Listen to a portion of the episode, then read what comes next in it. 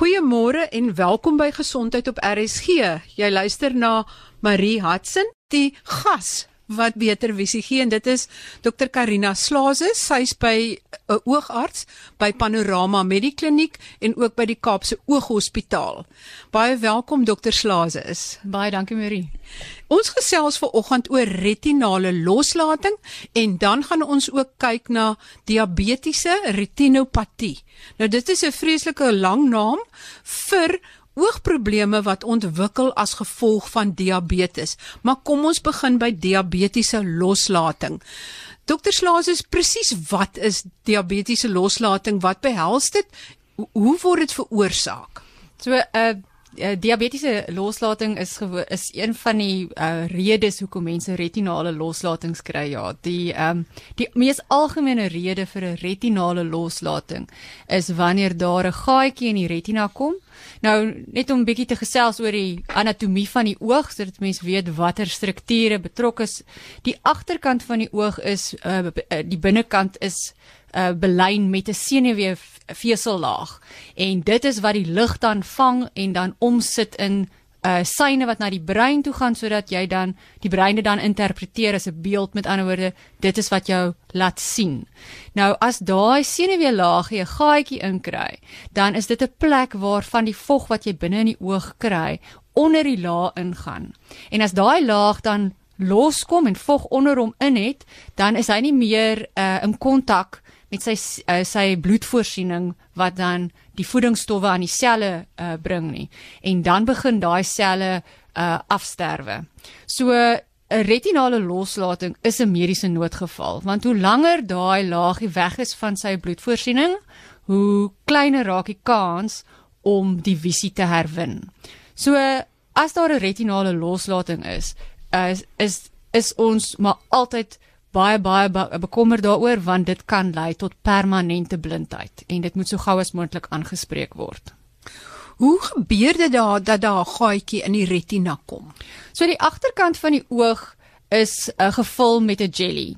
Die jelly is baie ferm as ons gebore word. Dit help om met die oog se groei, dit help om die oog te beskerm.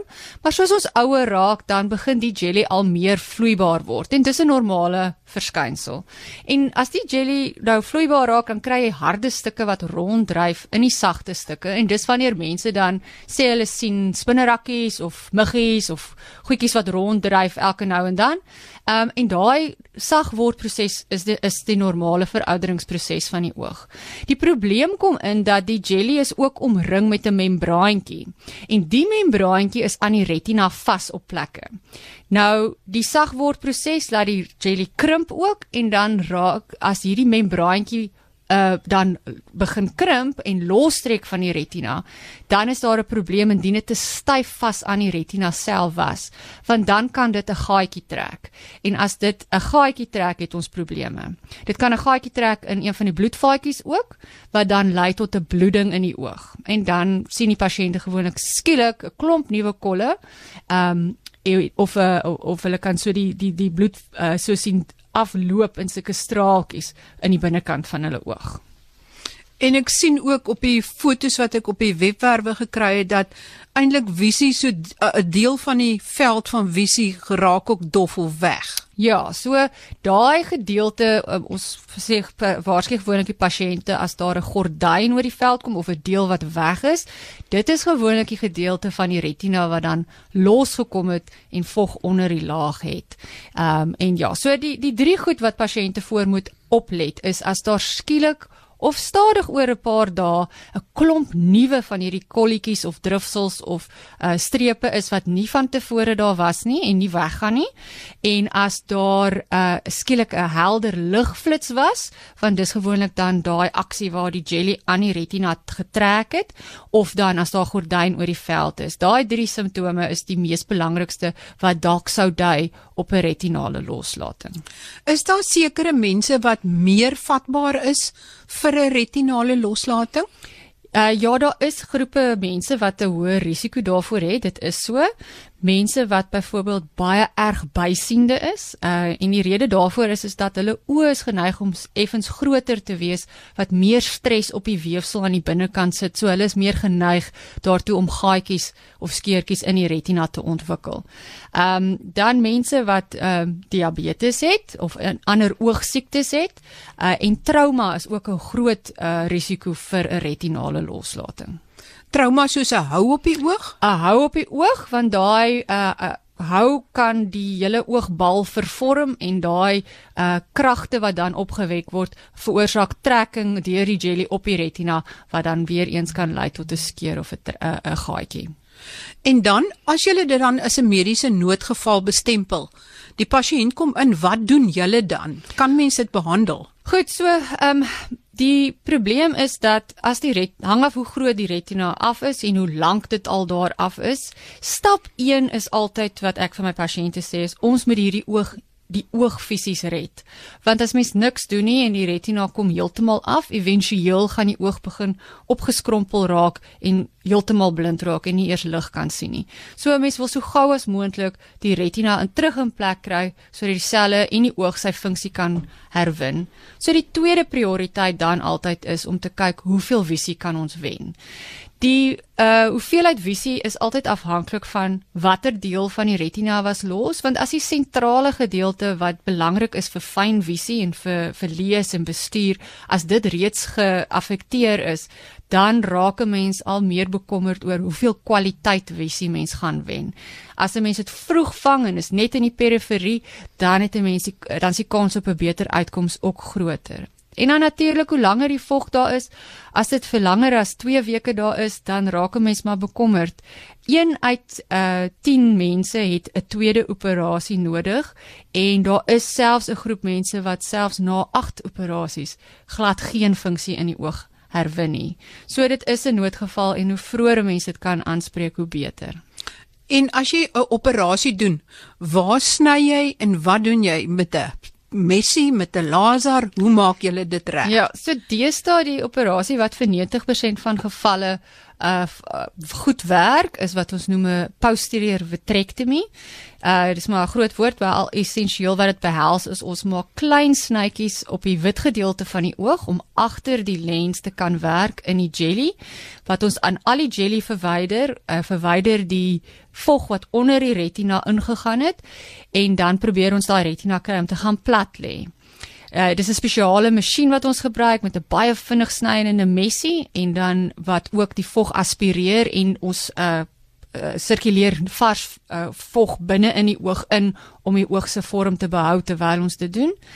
En dan as die retina plat is, dan doen ons laser wat mens probeer wat essensieel wat gebeur is mens swys die retina vas in plek sodat hy kan vasgroei. Dan uh is Beeste van die gevalle moet 'n mens iets in die oog sit uh, wat help om die retina vas te hou terwyl ons wag vir die vir die uh, uh laser om te werk. Uh en ons het twee uh, essensieel twee verskillende uh mediums daarvoor. Die een is 'n gas wat ons inspuit en dit uh, hou dan ons het langwerkende en kortwerkende uh, gas. Dit hang alles af van wat jy vind tydens jou chirurgie. Maar die gas hou spalk dan die retina vir ons. Dis soos wanneer jy jou arm gebreek het en hulle sit vir jou gips aan. Hierdie help dan om die retina te spalk of in plek te hou terwyl die laser vat en die retina vas vasgroei in plek Uh en dan is daar in sekere gevalle moet ons olie gebruik. Nou dan het mens definitief 'n tweede operasie nodig om die olie weer te gaan uithaal. Maar party gevalle is ongelukkig maar net so ver gevorderd of daar's hoë risiko probleme wat mens sien aan die ontwikkel is en dan moet 'n mens die olie gebruik wat dan definitief 'n tweede operasie gaan benodig. En as daai skeur is by dat dit 'n bloedvaatjie ook geskeur het, maak julle maar net die bloedvaatjie toe. Julle kan seker nie so fyn werk dat julle daai haarvaatjies kan vaswerk nie. Ja, gelukkig in meeste mense as dit normale bloedvaatjies is, is daar gewoonlik 'n bloeding en dan trek die bloedvaatjie saam en hy vorm 'n stolseltjie, so hy sal nie noodwendig sommer bloei nie. Uh weer nie, maar dit gebeur soms dat die klooi dat die die stolseltjie oplos en dan kry hy herbloeding. Ons het uh, instrumentjies wat ons die bloedvaatjies kan toebrand as dit nodig sou wees, veral in diabetes as hulle hierdie tipe operasie nodig het. Dan moet 'n mens wel daai bloedvaatjies gaan brand want die, in diabetes is die bloedvaatjies nie heeltemal normaal nie. So uh, mense met bloedingsneigings kan en diabetes is geneig om weer te bloei, maar dis uh, gelukkig nie jy spreek dit gewoonlik op die tafel aan. En as mense gedink het plastiese chirurge werk fyn, dan moet hulle eenslag 'n oogarts in die teater uh, by hom staan en sal mens sien hoe fyn hierdie mense kan werk. Jy het nou genoem van diabetes. Kom ons kyk na diabetes, diabetiese retinoplastie. Met ander woorde, die oogprobleme wat as gevolg van diabetes verskyn. Maar hoe gebeur dit? Wat verander dan in 'n diabetes? So mense wat lankstaande diabetes het, ehm um, die die dis gewoonlik mense wie se suikers nie onder beheer was nie. Nou die uh, as die glikose vlakke of die suikervlakke uh gereig is om baie te fluktueer, buite beheer te wees, diep uh, baie laag te val of baie baie hoog te gaan, dan sit dit baie stres op al die bloedvaatjies in die liggaam, al die klein bloedvaatjies. So ehm um, uh, niere word aangetast daardeur. Party mense kry uh, probleme met hulle vingers en hulle tone dat hulle uh, sensasie aangetast is, maar in die oë, daai klein bloedvaatjies word dan natuurlik ook aangetast. En jy kan daai bloedvaatjies kan jy fisies sien as 'n mens 'n oogondersoek doen. Nou hierdie ehm um, uh die die suikervlakke maak dat daar 'n relatiewe hipoksie van die weefsel is en dit lei dan tot die uh, afskeiding van uh sekere stowwe wat uh, syne is om nuwe bloedvate te vorm. En dan vorm dan groei daar klein nuwe abnormale bloedvaatjies binne in die oog en hierdie abnormale bloedvaatjies is baie bros en hulle is geneig om maklik te lek en vog deur te laat en ook te te bloei. So in diabetiese retinopatie kry mens dan dat mense hierdie abnormale bloedvaatjies het, hulle het swelling agter in die oog wat die visie aantas en daar kan bloedings ook plaasvind wat dan ook natuurlik die visie gaan ehm um, aan uh, beïnvloed. Die probleem met diabetiese retinopatie is indien die veranderinge daar is, is dit gewoonlik nader aan die einde van die hele siekteproses. So die aanbeveling is en is baie belangrik dat mense jaarliks as hulle suiker siekte het of diabetes het, moet hulle jaarliks laat kyk na die binnekant van hulle oë. Want hierdie abnormale bloedvaatjies sit nie noodwendig in die middel, die sentrale visie gedeelte nie. Dit sit gewoonlik hier meer na die kante toe. En teen die tyd dat hulle begin bloei of hulle begin lek of hulle kan self saamtrek en retinale loslatings veroorsaak en die pasiënt dit dan eers opmerk, is dit eintlik al op 'n baie gevorderde stadium.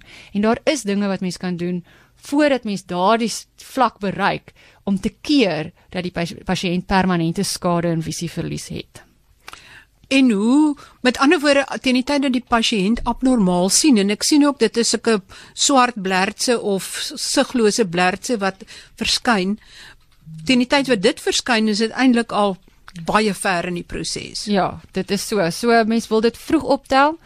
Ehm um, en as pasiënte begin sien dat lyne is, is nie meer reguit nie, hulle lyk gekartel of, of daar's dele wat weg is, dan is dit ook 'n teken dat daar iewers 'n of of 'n bietjie bloeding of 'n bietjie swelling agter in die oog is en mens moet dit so gou as moontlik aanspreek. As 'n pasiënt na jou toe kom en dis nog redelik aan die beginstadium, Wat doen julle dan? So die heel belangrikste ding is dat die pasiënt se suikervlakke moet goed onder beheer wees. En en en weet dis alles wat ons aan die oog doen is amper so 'n bietjie om soos om die brandende bos met 'n koppie water op die slag te probeer doodgooi. Jy moet die die wortel van die kwaad gaan aanspreek en dit is onge, on, onbeheerde suikers.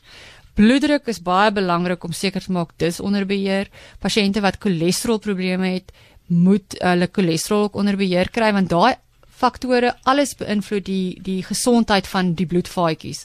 En rook natuurlik. Pasiënte moet oorweeg om op te hou rook want daai die rook maak ook dat die die bloedvaatjies nie kan gesond raak nie. Dis dit is baie baie belangrik. Dis die grootste guns wat jy jouself hierdie jaar kan doen en die grootste kerspersent is as jy as jy rook om op te hou rook. En dan natuurlik 'n bietjie oefening te doen want dit maak dit is ook baie belangrik vir mense se algemene gesondheid. En al daai faktore is belangrik om aan te spreek. Maar dan van die oogarts se kant af, ons kan uh medisyne toedien wat kan help om die swelling te kry om weg te gaan. In sommige gevalle moet ons laser doen om van die abnormale bloedvaatjies te kry om weg te gaan.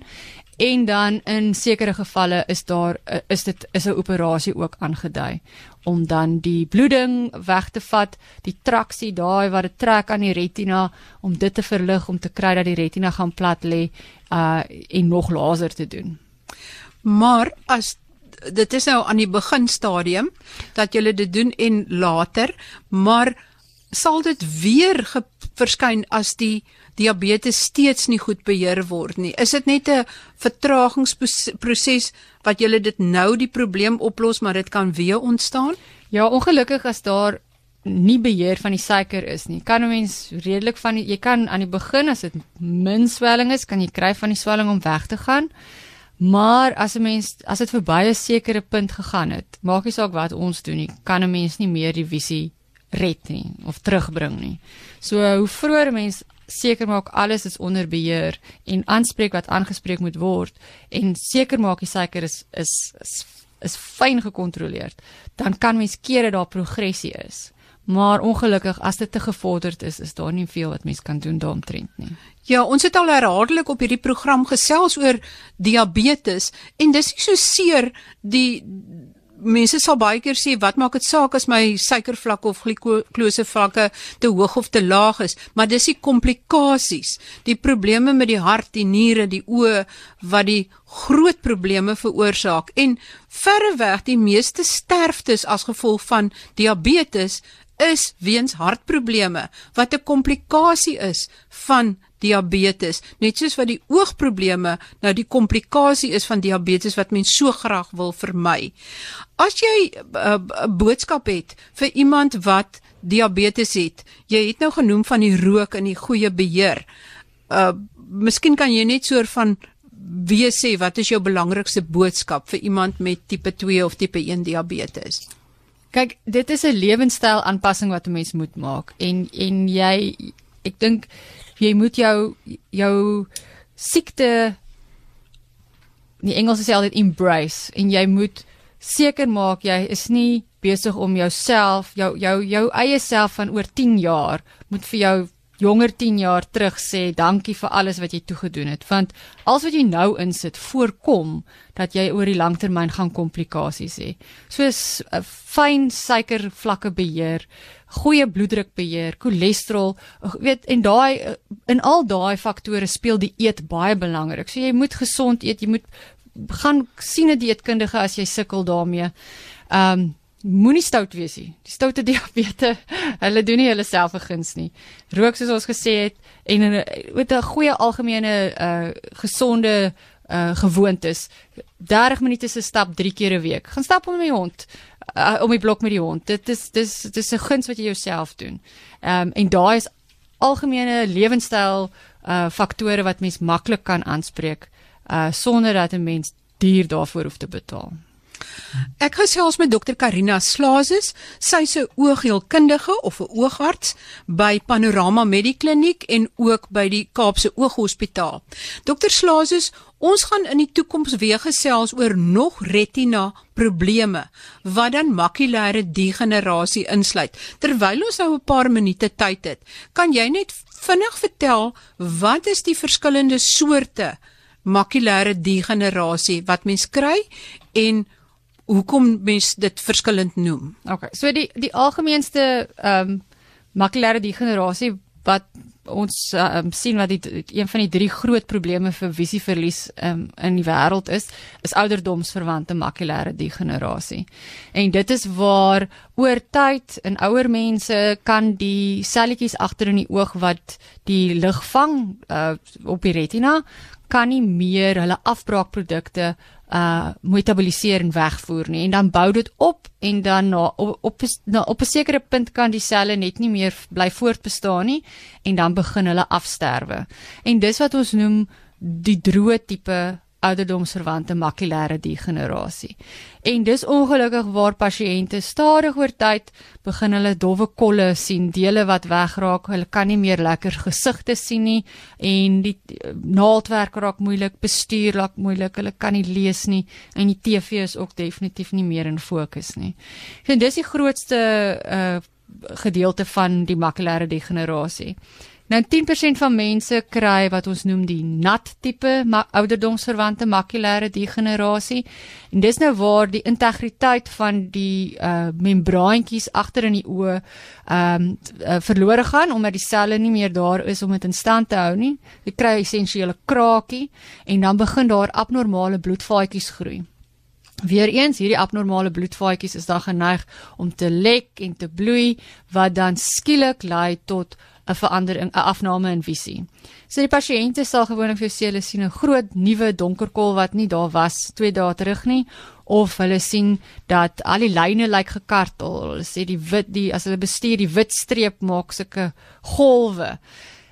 Daai is ook 'n redelike dringende noodgeval wat 'n mens moet na laat kyk. Ehm um, want die vog van deesdae kan 'n mens iets daaromtrent doen. 15 jaar terug was daar niks wat ons kon gedoen het nie. En hoe gouer mense dit aanspreek, hoe vinniger kan mens ook die visie herwin. Dit klink vir my of jy meer kan doen vir die nat tipe as vir die droë tipe. Ja, ongelukkig op hierdie stadium, daar is navorsing wat gedoen word om op die droë tipe, maar daar's nog niks wat werklik help nie. Ehm um, en daar is sekere groot populasiestudies het beveel aan dat 'n mens vitamienaanvullings gebruik, maar hulle kon nie onomwonde bewys dat dit werklik voorkomend is vir progressie uh, van die droë tipe nie. Maar die nat tipe kan ons deesdae met 'n uh, uh, inspuitingkies kan ons dit kry dat die vog weggaan. Natuurlik weer eens, hoe vroeër mense doen, hoe beter is jou uitkoms want hoe korter daar uh, vog is, hoe beter gaan die funksie herwin kan word. En as jong mense makulêre degenerasie kry, wat is dit dan?